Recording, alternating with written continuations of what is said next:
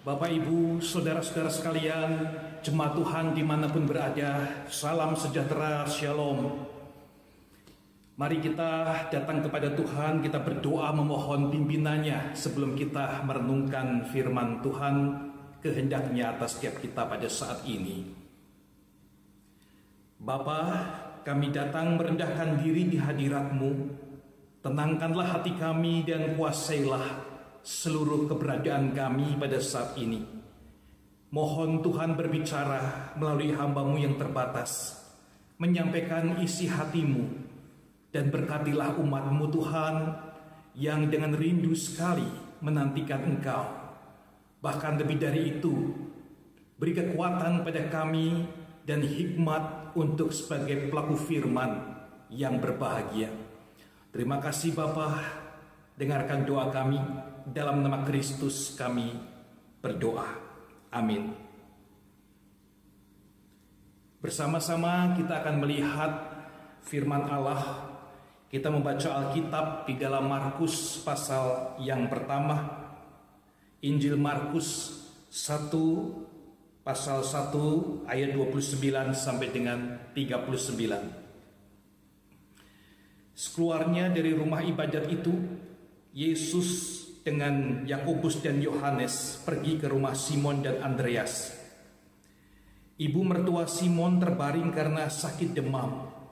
Mereka segera memberitahukan keadaannya kepada Yesus. Ia pergi ke tempat perempuan itu dan sambil memegang tangannya, ia membangunkan dia. Lalu lenyaplah demamnya. Kemudian perempuan itu melayani mereka. Menjelang malam, sesudah matahari terbenam, Dibawalah kepada Yesus semua orang yang menderita sakit dan kerasukan setan. Maka berkerumunlah seluruh penduduk kota itu di depan pintu. Ia menyembuhkan banyak orang yang menderita bermacam-macam penyakit dan mengusir banyak setan. Ia tidak memperbolehkan setan-setan itu berbicara sebab mereka mengenal dia. Pagi-pagi benar, waktu hari masih gelap, ia bangun dan pergi keluar. Ia pergi ke tempat yang sunyi dan berdoa di sana. Tetapi Simon dan kawan-kawannya menyusul dia. Waktu menemukan dia, mereka berkata, "Semua orang mencari engkau." Jawabnya, "Marilah kita pergi ke tempat lain, ke kota-kota yang berdekatan." supaya di sana juga aku memberitakan Injil. Karena untuk itu aku telah datang. Lalu pergilah ia ke seluruh Galilea dan memberitakan Injil dalam rumah-rumah ibadat mereka dan mengusir setan-setan. Nah demikianlah firman Allah Injil Yesus Kristus Berbahagialah setiap kita, diberkatilah kita yang merenungkan serta berjuang melakukan di dalam kesehariannya. Haleluya.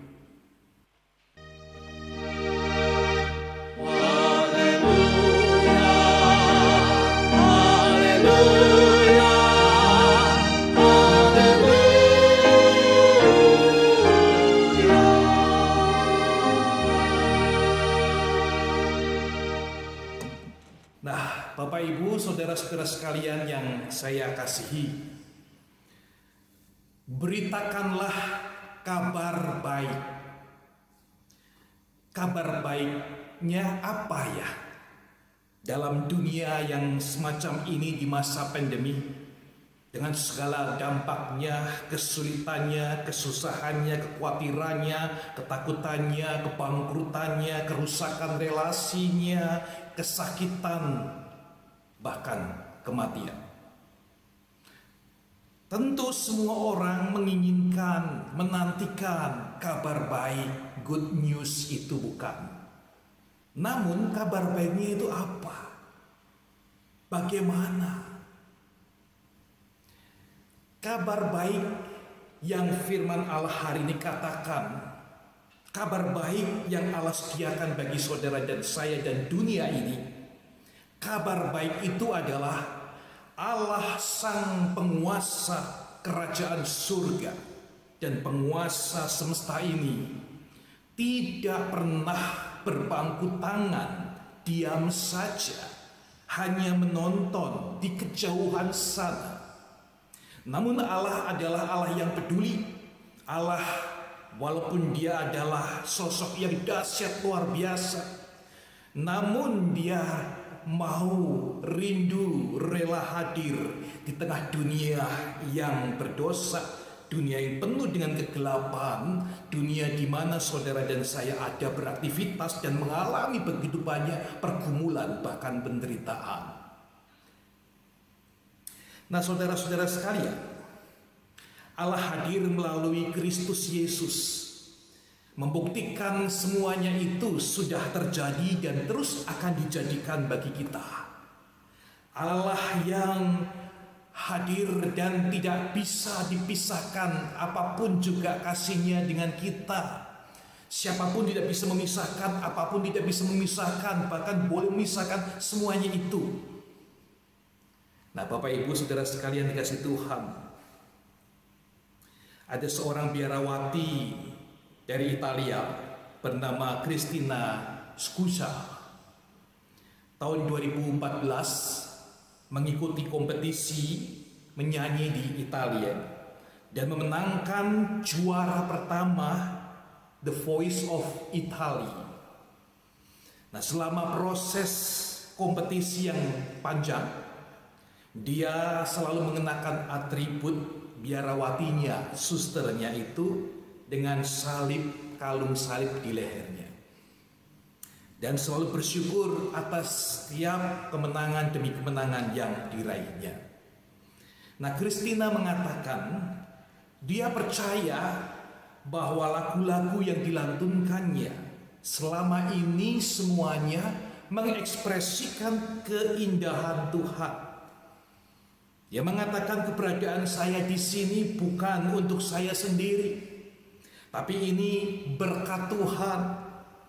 Katanya setelah dinyatakan sebagai pemenang, dia mengatakan saya di sini tidak untuk memulai karir sebagai penyanyi. Namun saya ingin menyampaikan sebuah pesan, sebuah berita.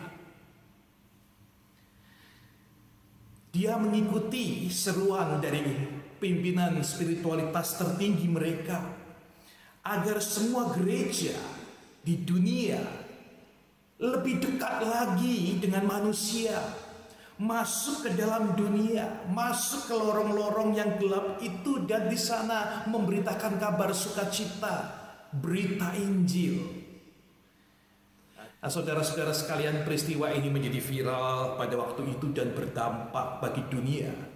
Manusia mulai membuka matanya dan hatinya. Rupanya gereja adalah gereja yang masuk ke dalam dunia. Gereja bukan memisahkan diri dan tidak peduli pada dunia ini. Gereja justru mewakili Allah menghadirkan berita sukacita yang menyapa dunia, yang menjadi berkat dan tidak terpisahkan oleh apa pun juga.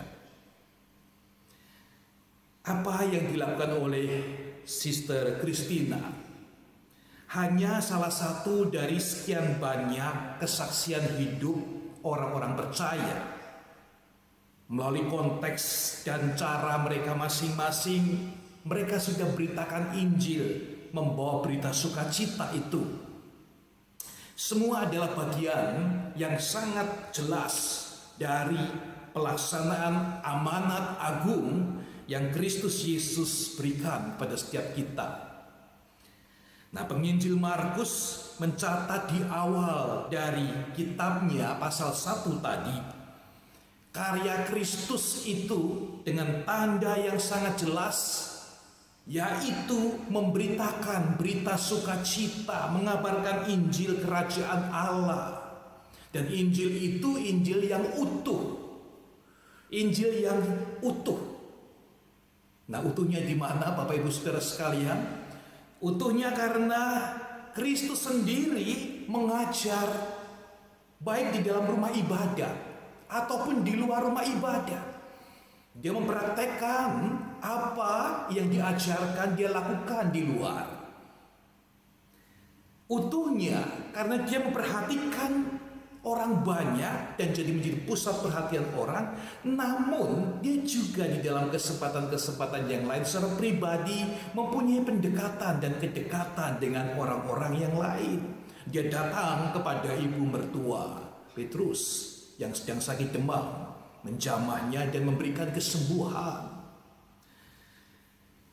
Utuh karena dia menyentuh seluruh hidup manusia dia menyentuh kekosongan rohaninya, memulihkan jiwanya, juga menjawab kebutuhan-kebutuhan nyata dari jasmani mereka yang menderita dan susah, sakit penyakit dan begitu banyak masalah.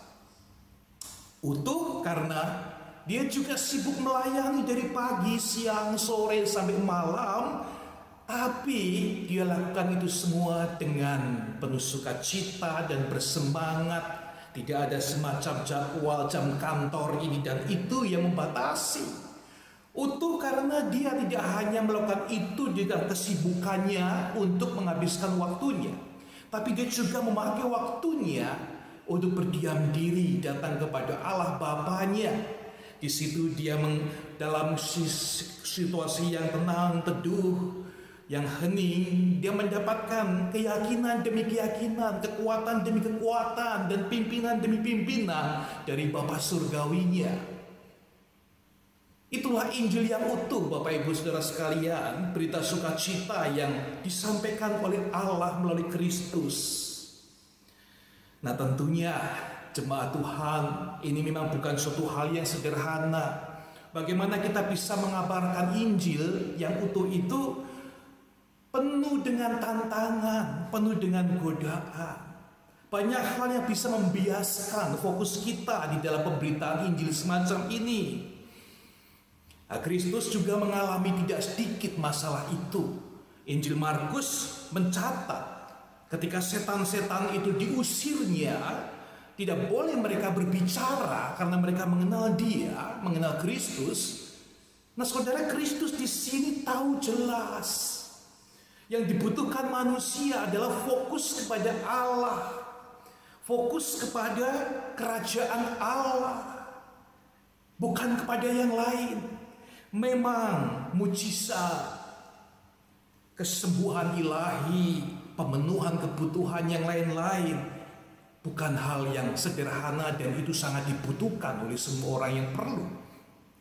Namun saudara sekalian, keselamatan roh pemulihan jiwa dan pembaharuan hidup itu menjadi satu yang tidak bisa dipisah-pisahkan dan itu menjadi perhatian Kristus.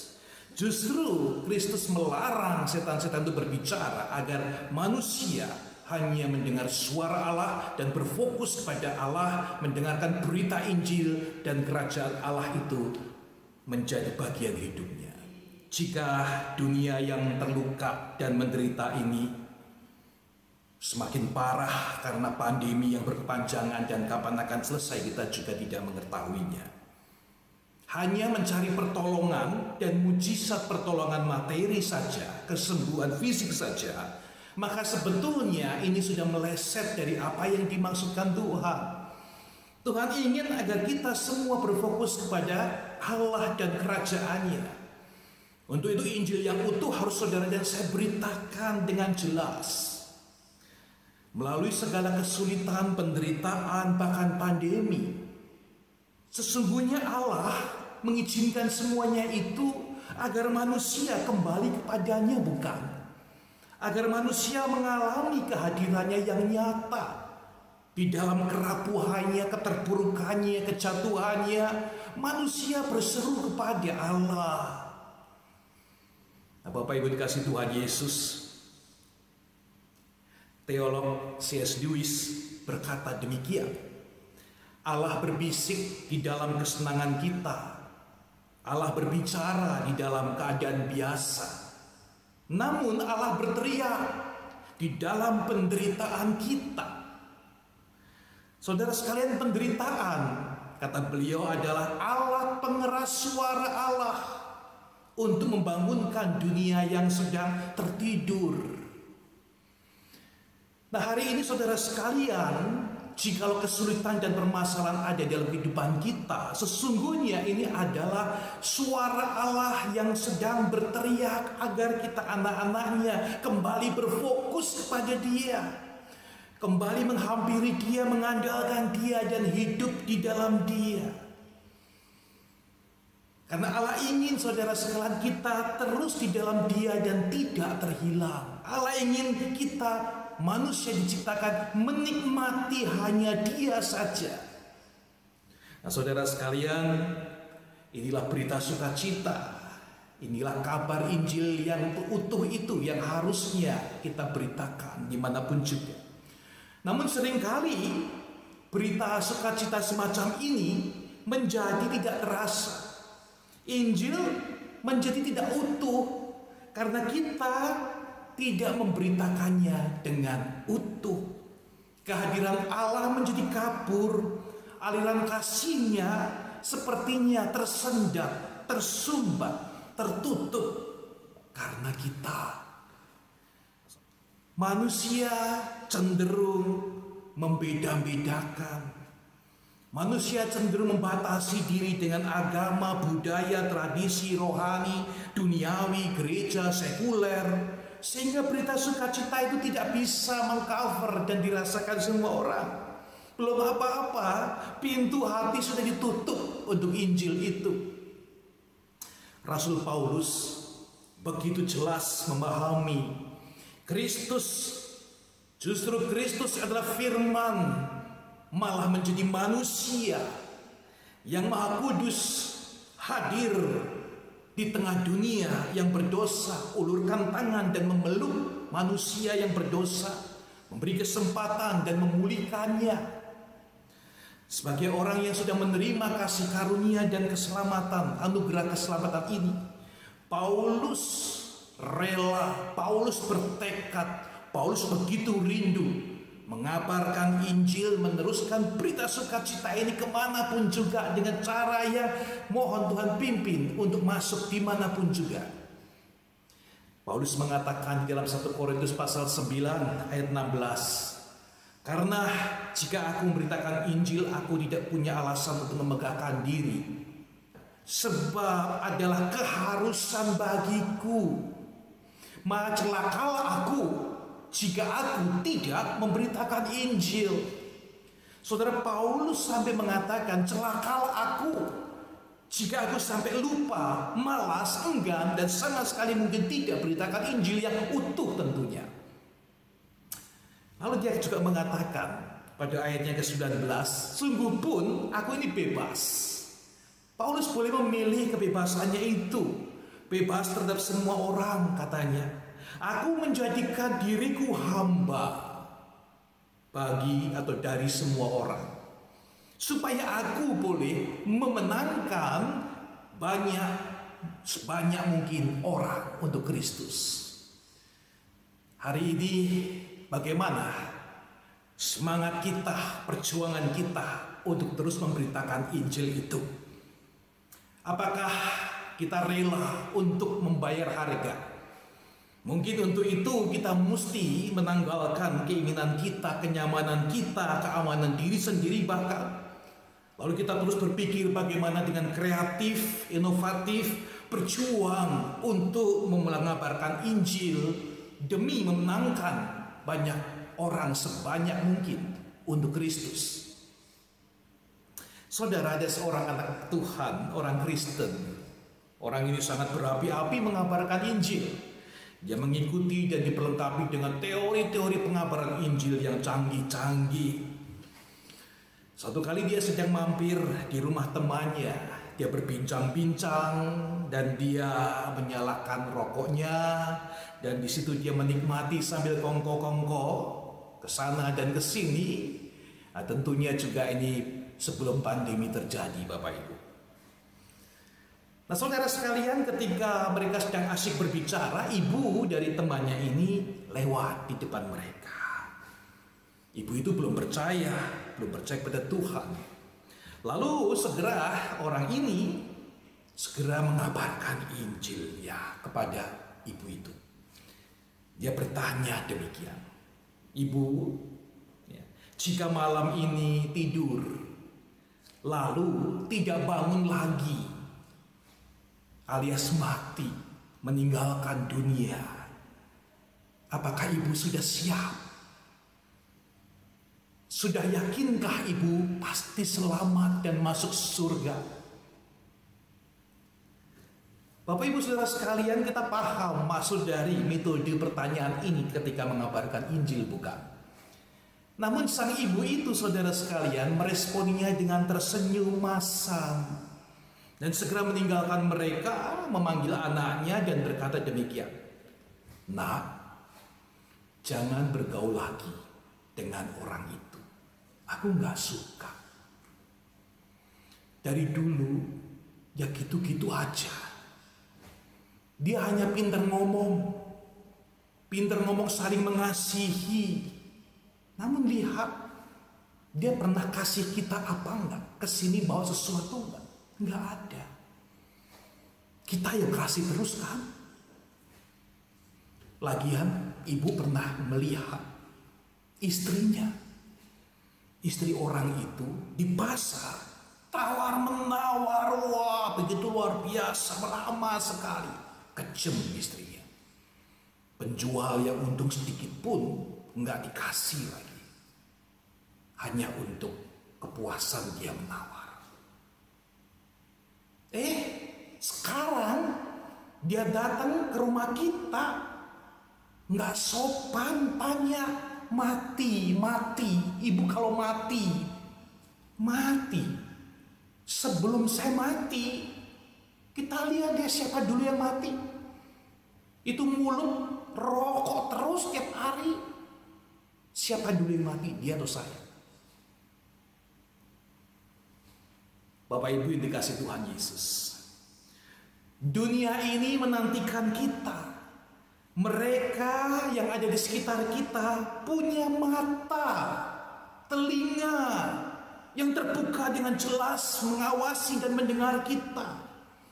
Begitu banyak hati yang berharap agar pemberita-pemberita sukacita itu hadir dan memberitakan kepada mereka secara utuh, menyentuh kehidupan mereka menjadi berkat bagi mereka. Mari jangan menyia-nyiakan waktu dan kesempatan itu. Apakah hidup kita ini, kehadiran kita di mana pun juga, adalah berita sukacita? Ataukah berita jelek yang orang sama sekali nggak harapkan kita hadir di sana?